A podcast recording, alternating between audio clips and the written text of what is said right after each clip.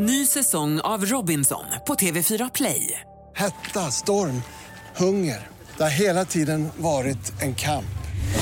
Nu är det blod och tårar. Fan händer just nu. Det. är Detta är inte okej. Robinson 2024, nu fucking kör vi! Streama söndag på TV4 Play.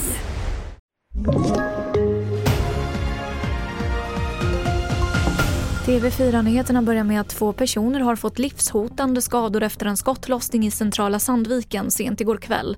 En stor polisinsats har pågått under hela tiden.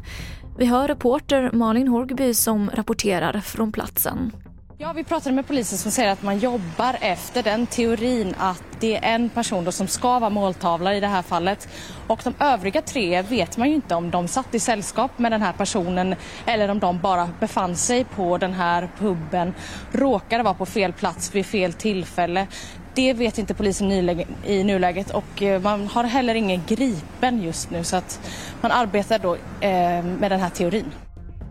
Den svenska EU-diplomaten Johan Floderus som i över 500 dagar suttit fängslad i Iran får inte tillräckligt med mat.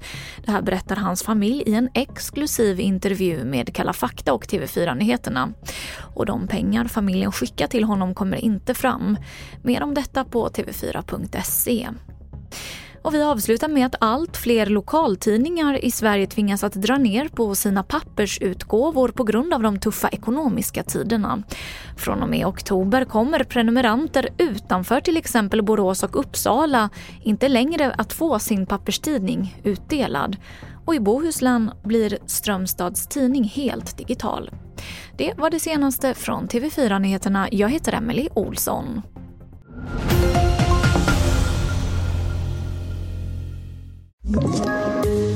Ett poddtips från Podplay. I podden Något Kaiko garanterar östgötarna Brutti och jag, Davva, dig en stor dos skratt. Där följer jag pladask för köttätandet igen. Man är lite som en jävla vampyr. Man har fått lite blodsmak och då måste man ha mer.